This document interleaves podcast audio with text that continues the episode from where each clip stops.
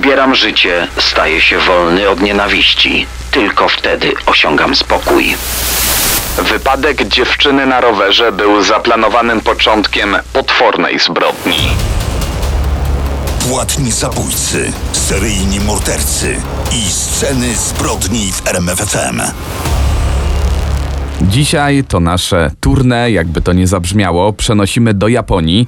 Między innymi sprawa Zodiaka Skobe, tym się dzisiaj zajmiemy. W internecie spotkałem się z określeniem najbardziej makabryczne morderstwa w historii Japonii. Trochę na wyrost, bo my mówiliśmy już o kilku sprawach z Japonii w naszym programie i za każdym razem nas te zbrodnie bardzo mocno szokowały. Ale zła nie stopniujemy, na każdego oddziałuje w inny sposób.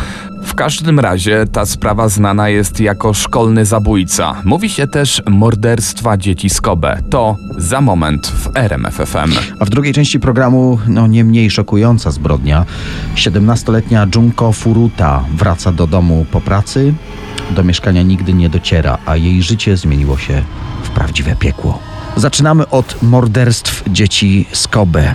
Jedna z tych najbardziej szokujących zbrodni w Japonii, bo sprawca, podobnie jak słynny amerykański Zodiak, prowadził z wymiarem sprawiedliwości dziwaczną grę. Zostawiał tajemnicze liściki, wysyłał zagadki do prasy. Ale jak to u nas po kolei, luty roku 97, to wtedy w mieście Kobe doszło do dziwnego ataku. Dwie dziewczynki wracające z podstawówki zostały zaatakowane przez tajemniczego napastnika.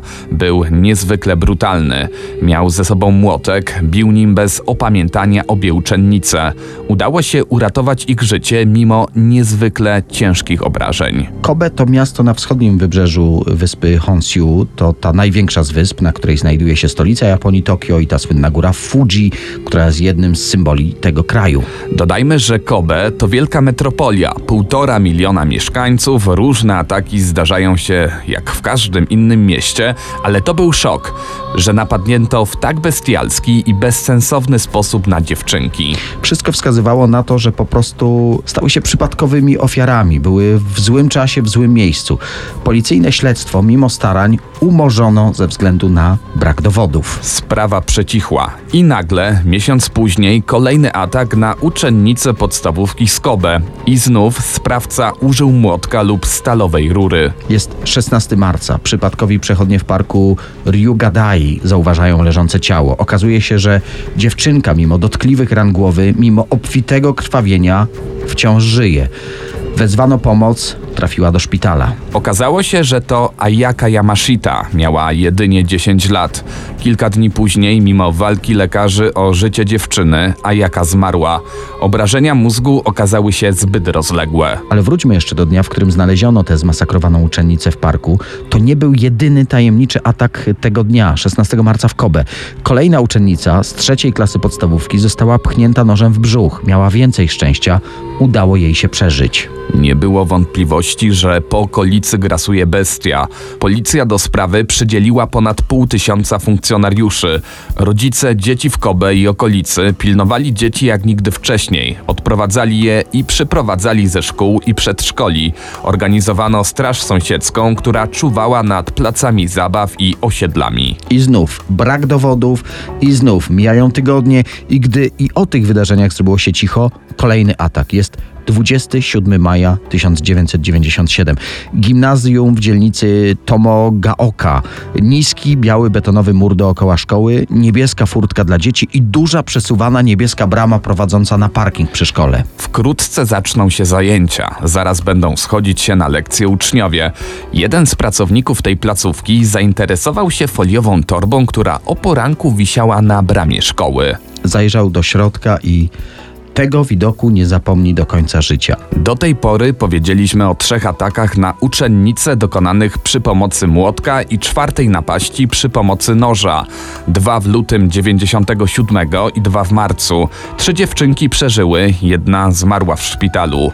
W maju zaginęła kolejna osoba, tym razem chłopiec Jun Hase. Dlatego nie powiązano tego zdarzenia z wcześniejszymi atakami na dziewczynki. Chłopak był w dodatku lekko opóźniony, chodził do klasy specjalnej. Śledczy spodziewali się, że mógł się gdzieś po prostu zawieruszyć, zgubić, ale w końcu odnajdzie drogę do domu. Poszukiwania zaginionego jednak nie przynosiły żadnych rezultatów. I teraz przenosimy się do 27 maja. To właśnie tego dnia o poranku przed rozpoczęciem lekcji na bramie gimnazjum w Kobe zauważono plastikową torbę. W środku znaleziono głowę Juna. Analiza śledczych wykazała, że chłopak przed śmiercią był bity. Liczne obrażenia głowy jednoznacznie na to wskazywały. Następnie został uduszony. Jego głowa została odcięta przy użyciu piły ręcznej. Jego oczy wydłubano, usta rozcięto, by przypominały przerażający szeroki uśmiech, dosłownie od ucha do ucha. Ku zaskoczeniu śledczych w ustach odciętej głowy zauważono tajemniczy list.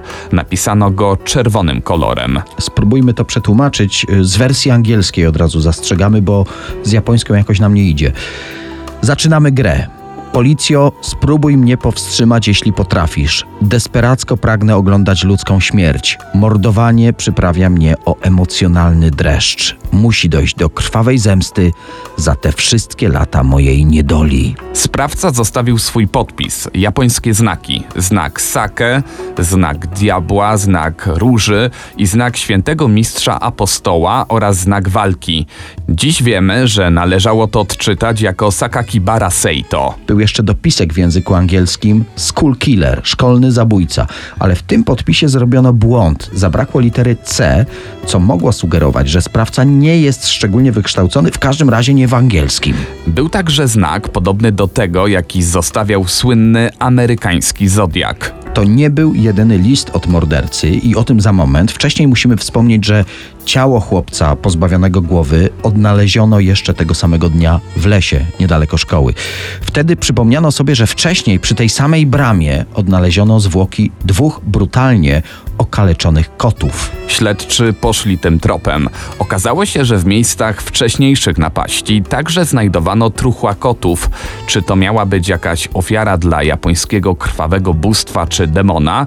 Kobe huczało od podobnych spekulacji. Na początku czerwca kolejna wiadomość, tym razem w formie listu wysłanego do gazety Kobe Shinbun.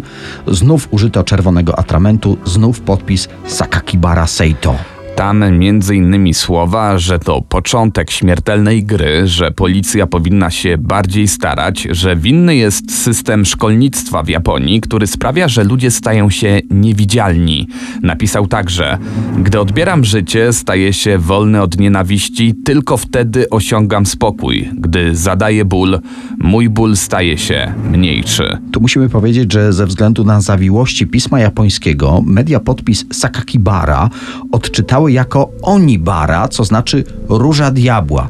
Wkurzyło to mordercę, wysłał kolejny list i groził, że jeśli znów go tak nazwą, albo inaczej jakoś zdenerwują, to cytujemy zabije trzy warzywa tygodniowo. Ten termin zaskoczył śledczych, ale dziś już wiemy, że rodzice Sakakibary, gdy się denerwował, mówili mu, by w takich stresujących sytuacjach wyobrażał sobie ludzi jako różne warzywa. W końcu ustalono, że róża diabła, czyli Sakakibara Seito, szkolny zabójca, to tak naprawdę Shinichiro Azuma, bezwzględny zabójca, okazał się 14-letnim chłopcem. W mieście Kobe po serii ataków na dzieci do mediów trafiały listy zagadki.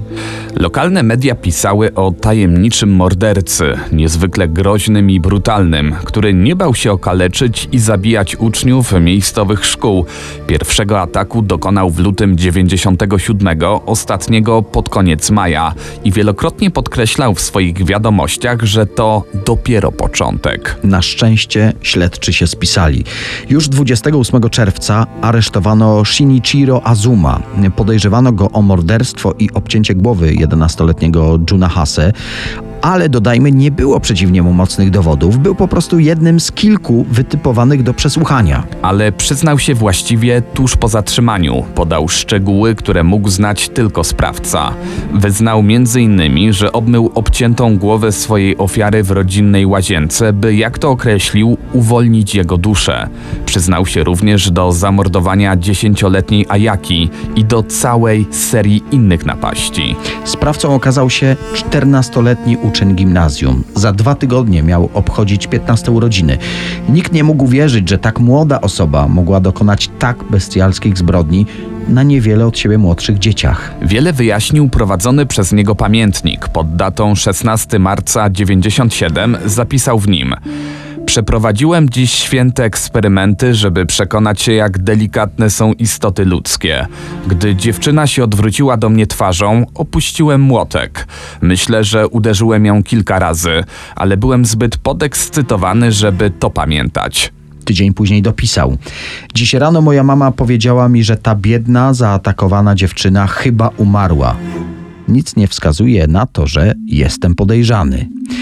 Pamiętnik zawierał wiele wpisów, które zostały ujawnione, trafiły do internetu. Pisał m.in. potrafię załagodzić swoje zdenerwowanie, gdy mam w ręku nóż lub gdy na palcu kręcę nożyczkami jak pistoletem. Było też podziękowanie dla nieznanego Japończykom, prawdopodobnie wymyślonego przez niego, boga Bamo Idooki. Prosił go o ochronę, narysował jego symbol, połączenie głowy Buddy z czymś, co przypominało swastykę. Psychologowie uznali, że chłopiec to ekstremalny przykład tak zwanego syndromu hikikomori. Objawy te zaczęto w Japonii obserwować w latach 90. To właśnie wtedy wiele dzieci wolało zostawać w domu niż spotykać się z przyjaciółmi. Wiele z nich nie wychodziło z domu bez koniecznej potrzeby nawet ponad pół roku. Zaczynało się zwykle od zbyt wysokich oczekiwań rodziców. Zmuszali dzieci do przykładania się w szkole, naciskali na jak najlepsze stopnie. Presja dla wielu z nich stawała się nie do zniesienia. Izolowali się od kolegów, a szkołę po prostu zaczynali nienawidzić. Z zeznań kolegów wynikało, że od początku chłopak był skryty i zamknięty w sobie, ale w wieku 12 lat stał się wyjątkowo bezwzględny. Znęcał się nad zwierzętami. Podobno zgłoszono to służbom socjalnym. Koledzy zapamiętali, że ustawiał na drodze żaby, a później rozjeżdżał je swoim rowerem. Okaleczał koty, a gdy udało mu się złapać gołębia, pozbawiał go głowy. W końcu swoje brutalne eksperymenty, jak je nazywał, postanowił przeprowadzić także na ludziach. Dane mordercy jako nieletniego utajniono. W mediach nadal używano jego pseudonimu, którym podpisywał listy, lub hasła szkolny morderca, ewentualnie japoński zodiak, a policja mówiła o nim na wszystkich konferencjach po prostu chłopiec A. Finalnie trafił do medycznego zakładu odosobnienia dla nieletnich w Tokio. Miał tam przebywać do czasu osiągnięcia przez niego 21 roku życia. I rzeczywiście, po niespełna 7 latach, w marcu 2004 roku został tymczasowo zwolniony, a na początku 2005 uzyskał już oficjalne, pełne uniewinnienie. Przypadek Zodiaka z Kobe wykazał, że japoński system sprawiedliwości wymaga reform. W 2000 roku obniżono wiek, za który trafiało się do więzienia z 16 do 14 lat, tak by ewentualny następca był już sądzony jak dorosły. Choć wkrótce okazało się, że to i tak niewystarczający wiek, bo jednym z kolejnych morderców okazała się 11-letnia Japonka, nazywana w mediach dziewczynką A. Jako, że w pokoju chłopaka znaleziono mnóstwo komiksów anime i brutalnej odmiany mangi, rozgorzała też e, tam dyskusja nad odpowiedzialnością za przekazywanie takich treści młodemu pokoleniu. E, W mieszkaniu tego mordercy znaleziono również książkę o Hitlerze i kilka książek o seryjnych mordercach. Zastanawiacie się pewnie, jak wyglądało dalsze życie mordercy. Tak naprawdę nie wiadomo. Zerwał kontakty z rodziną, co najmniej dwukrotnie zmienił miejsce zamieszkania, by w końcu zniknąć. Głośno zrobiło się o nim ponownie 10 lat później. Napisał książkę, autobiografię, została wydana w 2015 roku pod tytułem Zeka.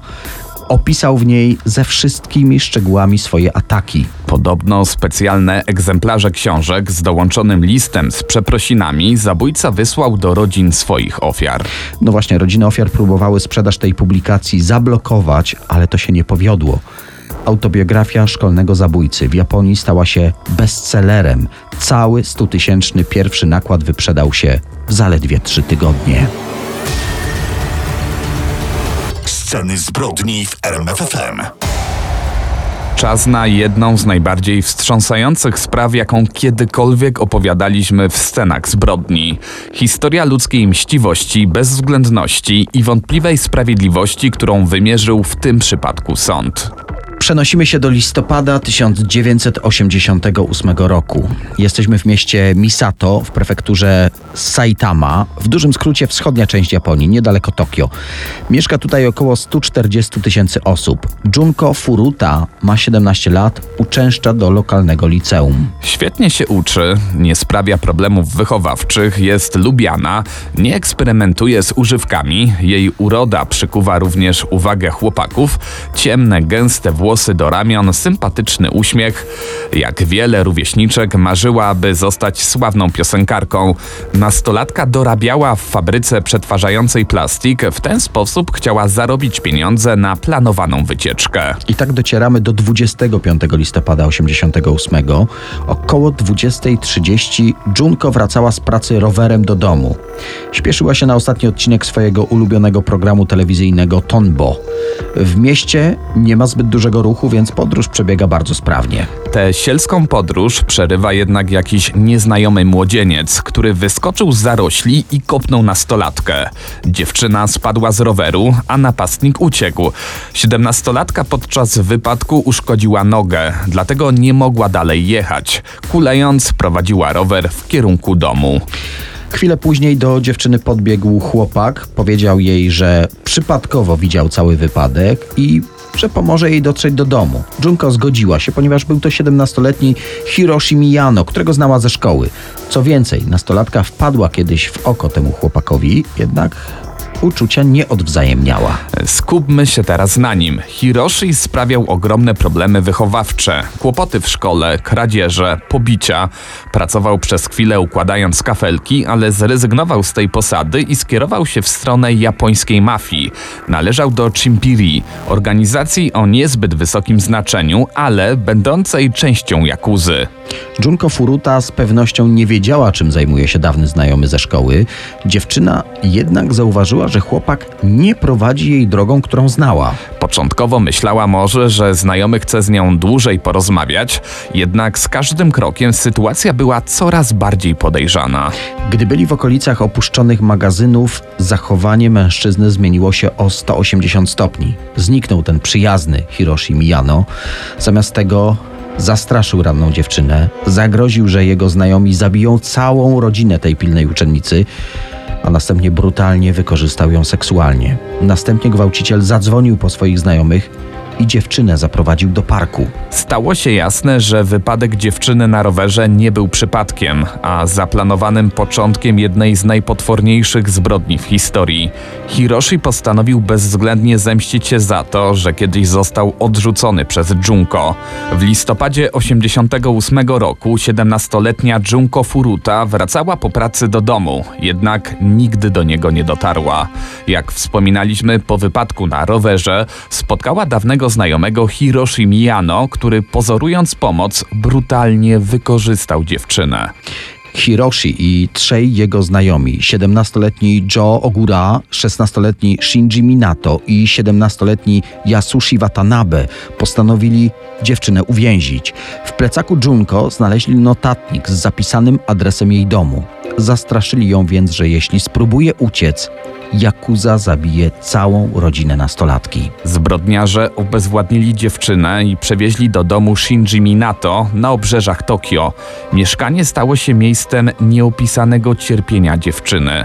Oszczędzimy wam szczegółów tego dramatu, bo poziom bestialstwa porywaczy nie mieści się w głowie. Dziewczyna była wykorzystywana seksualnie przez wielu mężczyzn, torturowana, przeżyła prawdziwe piekło na ziemi. Dwa dni po zniknięciu Junko Furuty, jej zaniepokojeni rodzice zgłosili zaginięcie na policję, ale tutaj ujawniło się kolejne bestialstwo porywaczy.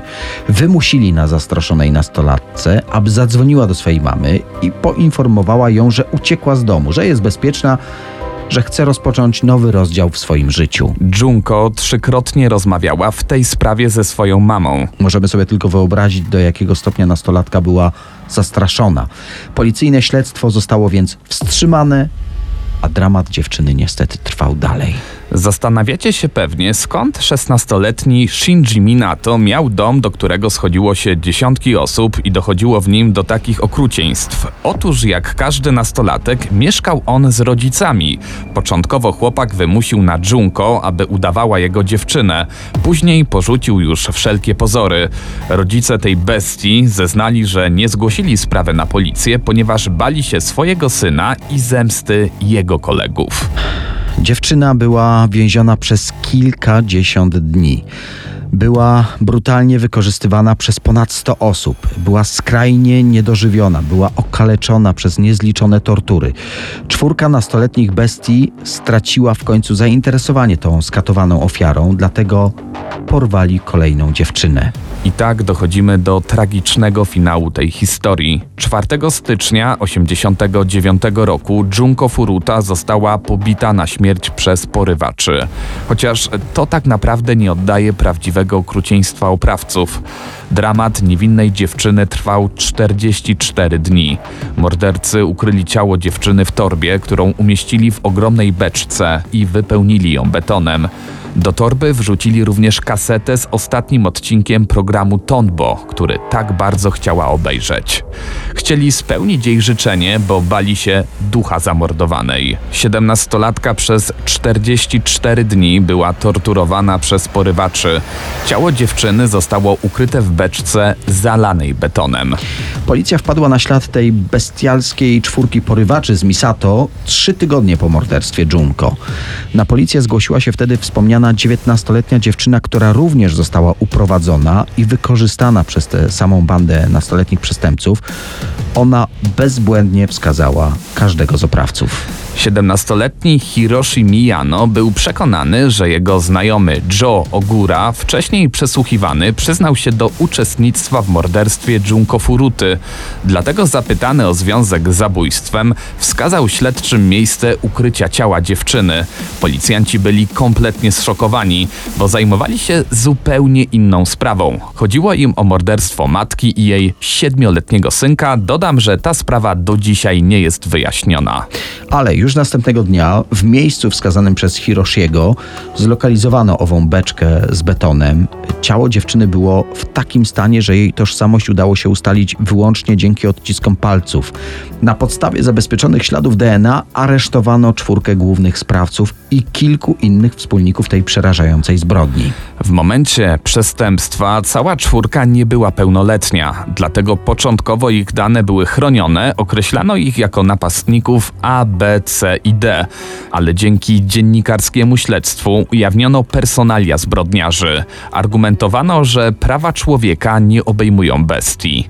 Nastolatkowie nie przyznali się do morderstwa, ale do spowodowania obrażeń, które doprowadziły do śmierci. Czwórka katów dziewczyny została skazana na kary od 5 do 20 lat więzienia w różnych zakładach karnych czy placówkach dla nieletnich.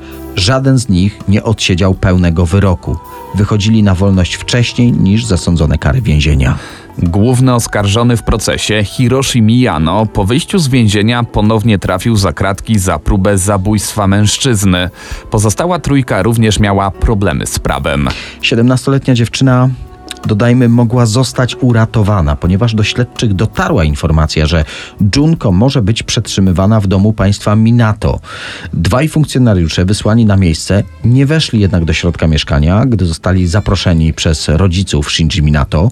Byli przekonani, że samo zaproszenie do przeszukania domu jest dowodem na to, że dziewczyny tam po prostu nie ma. Jak bardzo się mylili. Dwaj funkcjonariusze zostali później zwolnieni ze służby za nieprzestrzeganie procedur. Rodzicom Junko Furuty wręczono pośmiertnie jej świadectwo maturalne.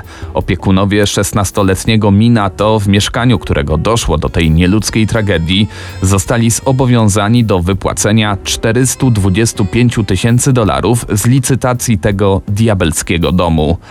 Ta sprawa szokuje swoją bezwzględnością. Czy sprawiedliwości w tym przypadku stało się zadość? To niestety pytanie retoryczne. Musimy tutaj dodać, że gdyby ta zbrodnia nie została popełniona w 1988 roku, a kilka lat później Hiroshi Miyano trafiłby na szubienicę, a pozostała trójka zostałaby skazana na dożywocie. Sceny zbrodni w RMFFM.